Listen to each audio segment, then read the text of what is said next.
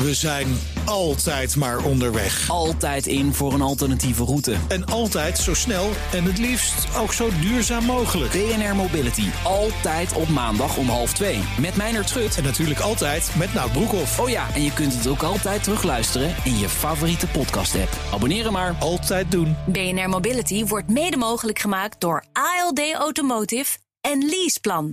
Studio Den Haag. De Raad van State heeft een duidelijke boodschap voor de politiek.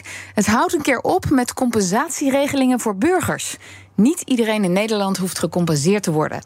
Tom de Graaf, vicepresident van het belangrijkste adviesorgaan van de regering, wijst er in het jaarverslag op dat de overheid niet verantwoordelijk is voor al het leed in de samenleving. Kabinet en Tweede Kamer moeten dus niet elk verzoek om financiële compensatie willen inwilligen. Politiek verslaggever Leonard Beekman, goedemiddag. Goedemiddag. Ja, dit klinkt een beetje als een tik op de vingers van de Raad van State. Ja, dat, dat klopt, Liesbeth. Het was het ook wel een beetje. Tom de Graaf noemde het alleen niet zo. Hij zei: Het is een advies. Ik laat ze in de spiegel kijken. Maar ja, op twee punten was hij toch wel hard voor de politiek en de overheid. Zoals je net al zei, de compensatieregeling, daarover zometeen meer. Maar ook het doenvermogen van de overheid, zoals dat dan heet. Dan gaat het erom: maak duidelijke keuzes en zeg ook vaker nee. Er worden heel veel wensen gestapeld op de overheid. En heel veel wensen, daar gaat men ook mee aan de slag. Maar je ziet dat door de schaarste van personeel. En binnenkort ook weer de schaarste aan financiën. Want de, de, de overheidsbomen financieel groeien niet tot in de hemel. Um, en de ingewikkeldheid van wetgeving. Dat uitvoeringsdiensten en gemeenten en andere instanties die die wetgeving, dat beleid moeten uitvoeren, steeds meer onder druk komen te staan. En dan lukt het dus niet om te leveren wat is afgesproken. Dan duurt het of heel erg lang, of het gaat mis, of de IT-systemen zijn uh, onvoldoende op orde en het duurt te lang voordat het wel op orde komt. En dan gaan mensen twijfelen aan de vraag. Uh, ja, gebeurt het wel? Ze hebben het toch beloofd. Waarom doen ze het dan niet? Dat zie je bij de kinderen. Uh, opvangtoeslagen, afhandeling. Dat is toch een behoorlijk drama aan het worden. Het duurt heel erg lang, is maar niet makkelijk op te lossen. Je ziet het in allerlei andere systemen, en de jeugdhulpverlening en dergelijke. Het loopt, systemen lopen vast. En het heeft toch te maken dat we het doenvermogen van de overheid, zoals dat tegenwoordig heet, het doenvermogen, overschatten. Nou, Lisbeth, dit zou bekend in de oren ja. klinken. Kritiek waar we het vaker over gehad hebben. Nou, gisteren nog hadden we het over stikstof. Ja, precies. Ja. Tom de Graaf zegt er ook bij... Ja, je moet vertrouwen in die politiek en de overheid houden. En daarvoor is slagkracht is belangrijk. Dan moet je keuzes maken. Dan moet je kijken wat willen we wel, wat willen we niet. Want als je een keuze gemaakt hebt, dan moet je, die, moet je dat ook nakomen. En kijk daarom ook naar bijvoorbeeld compensatie. Hm. Niet iedereen heeft compensatie nodig. En uh, wat er nu gebeurt is dat als er gecompenseerd wordt, en dat hebben we bij de toeslagen-schandaal uh, zien we dat, dat het heel erg lang duurt. Dus kijk naar de uitvoering en kijk of het ook echt nodig is. Nee, niet elk maatschappelijk leed is door de overheid op te lossen en ook niet alleen maar met geld. En we hebben wel gezien de afgelopen jaren, uh, en dat zien wij niet alleen, dat zien men ook in de wetenschap. En er is ook onderzoek naar gedaan dat er vaak de neiging is, en zeker toen het net leek wat financieel allemaal kon. Om te zeggen, nou dat leed gaan we in financieel afkopen. En dat leed proberen we financieel aan te doen. Ook wanneer er geen juridische verplichting was. Geen schade uh, direct veroorzaakt door de overheid.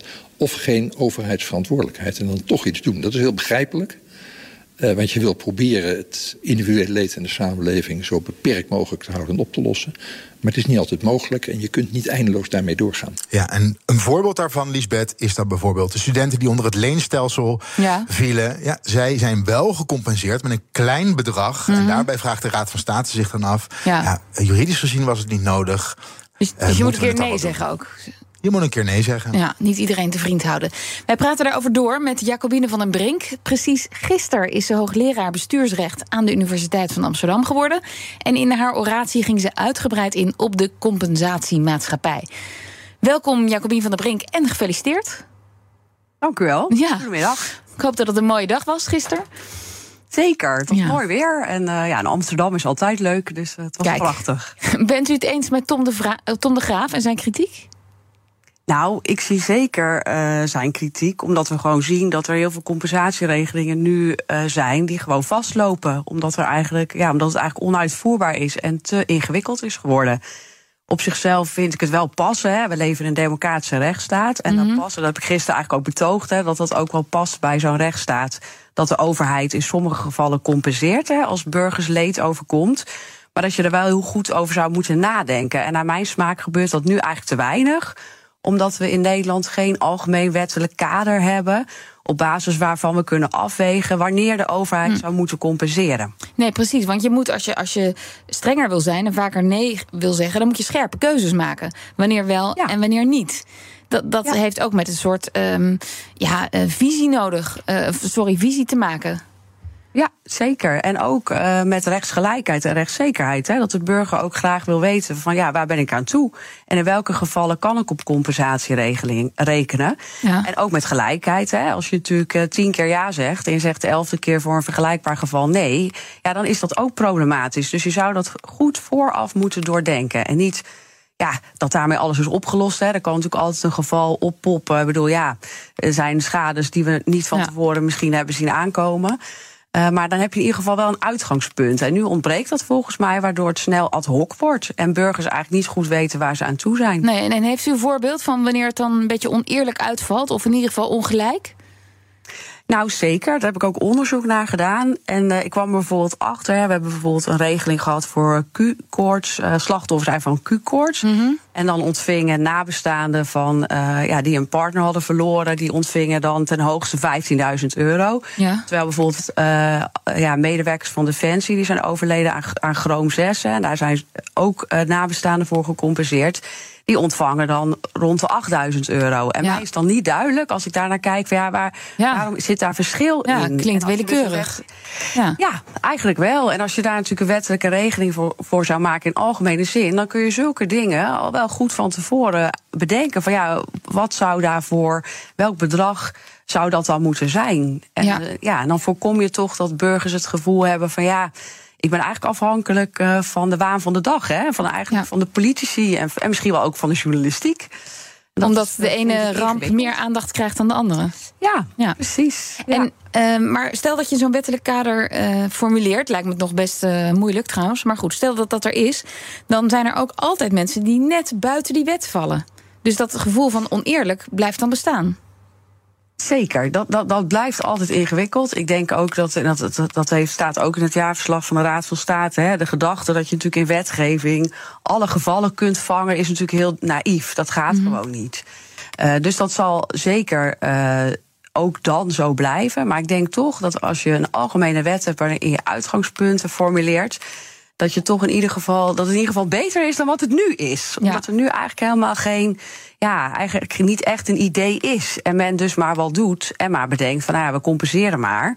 Ja, Ja. ook omdat dat politiek dan de beste oplossing eh, lijkt. Ja, want achter Leendert, over die compensatie gesproken. Achter de schermen wordt nu onderhandeld over de voorjaarsnota. Nota, en dat gaat ook over Groningen. Dat is Ja, nogal en- een compensatie. Het gaat zeker over Groningen. En eh, daar eh, is net ook nieuws over Ja. uitgelekt. De 20 collega's van de NOS ja, melden 20 miljard. En hier hebben we dus een voorbeeld van misschien toch wel ad hoc beleid. Zoals mevrouw van den Brink ook eh, betoogt in, gisteren in haar oratie. Want ja. Groningen zelf vroeg om 30 miljard. wilde daarnaast nog geld hebben voor de hersteloperatie en de versterkingsoperatie. Dat wordt nu, zoals het er nu naar uitziet, 20. En daar zit dan de hersteloperatie en de versterkingsoperatie al in. Ja, en daar is wel grote onvrede over. Hier, ook hier in de Tweede Kamer. Gronings Kamerlid Sandra Beckerman van de SP sprak ik daar net even over. Nou, als dit klopt, en ik hoop echt dat het niet klopt, dan wordt Groningen opnieuw bedonderd door Rutte. Want het IMG die de schade afhandelt, zegt dat alleen al voor schadeherstel tot 10 miljard extra nodig is. En heb je het nog niet eens over het versterken van onveilige woningen. Daar is na al die tijd nog drie kwart nog niet van gedaan. Dus ja, wat blijft er dan met 20 miljard nog over voor onze toekomst? Ja, dus grote onvrede. Ja, het lijkt er toch op dat eh, die, eh, de, de inlossen van de ereschuld voor Groningen. Dat dat een, eh, een potje polder is geworden. En eh, een politiek compromis is geworden. En ja, wat nou de logica is, dat moeten we nog horen van het kabinet. En als het 20 Achter miljard is hierachter, dat is Ja. totaal onduidelijk nog. Maar, maar Leendert, achter dat bedrag van 30 miljard zat toch ook niet een uitgebreide een soort van rekensom? Dat was ook Nee, gewoon een beetje onderbuik. Dus ja. Precies, ja, het is allemaal eh, natte vingerwerk. En eh, wat duidelijkheid of regelgeving zou misschien wel handig zijn. Ja, mevrouw van der Brink, ja, hoe voorkom je dat die compensatie dan door de politieke waan van de dag eh, blijft omgeven? Want ook als er een wet is, dan zal sentiment en politieke belangen blijven meespelen. Want die wet kun je dan weer interpreteren links of rechts of ruim of krap. Zeker, dat is heel ingewikkeld. Daar heb ik ook heel lang over nagedacht. en vandaar ja, dat ik ook in mijn oratie ben geëindigd eigenlijk met van ja, je kunt natuurlijk ja, je kunt twintig wettelijke kaders maken, maar uiteindelijk staat of valt het wel met politici. Ja, die ruggengraat hebben en die zich aan die wet zullen houden. En niet eh, ja, daarnaast nog allerlei buitenwettelijke re- regelingen in het leven zullen roepen. Nee. En dat wordt gewoon een hele grote uitdaging. Maar compensatie. wel dat- Ja, sorry, Ja, gaat er gang. nou, ik denk wel dat als er iets ligt, hè, dat zien we bijvoorbeeld ook bij de subsidietitel, hè, daar hebben we ook een regeling voor. En natuurlijk gebeurt er buiten de subsidietitel ook van alles.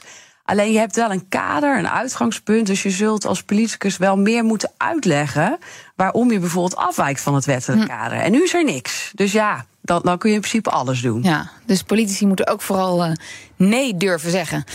Mooie boodschap. Leendert Beekman, politiek verslaggever... en Jacobien van der Brink, net hoogleraar bestuursrecht... aan de Universiteit van Amsterdam. Dank jullie wel.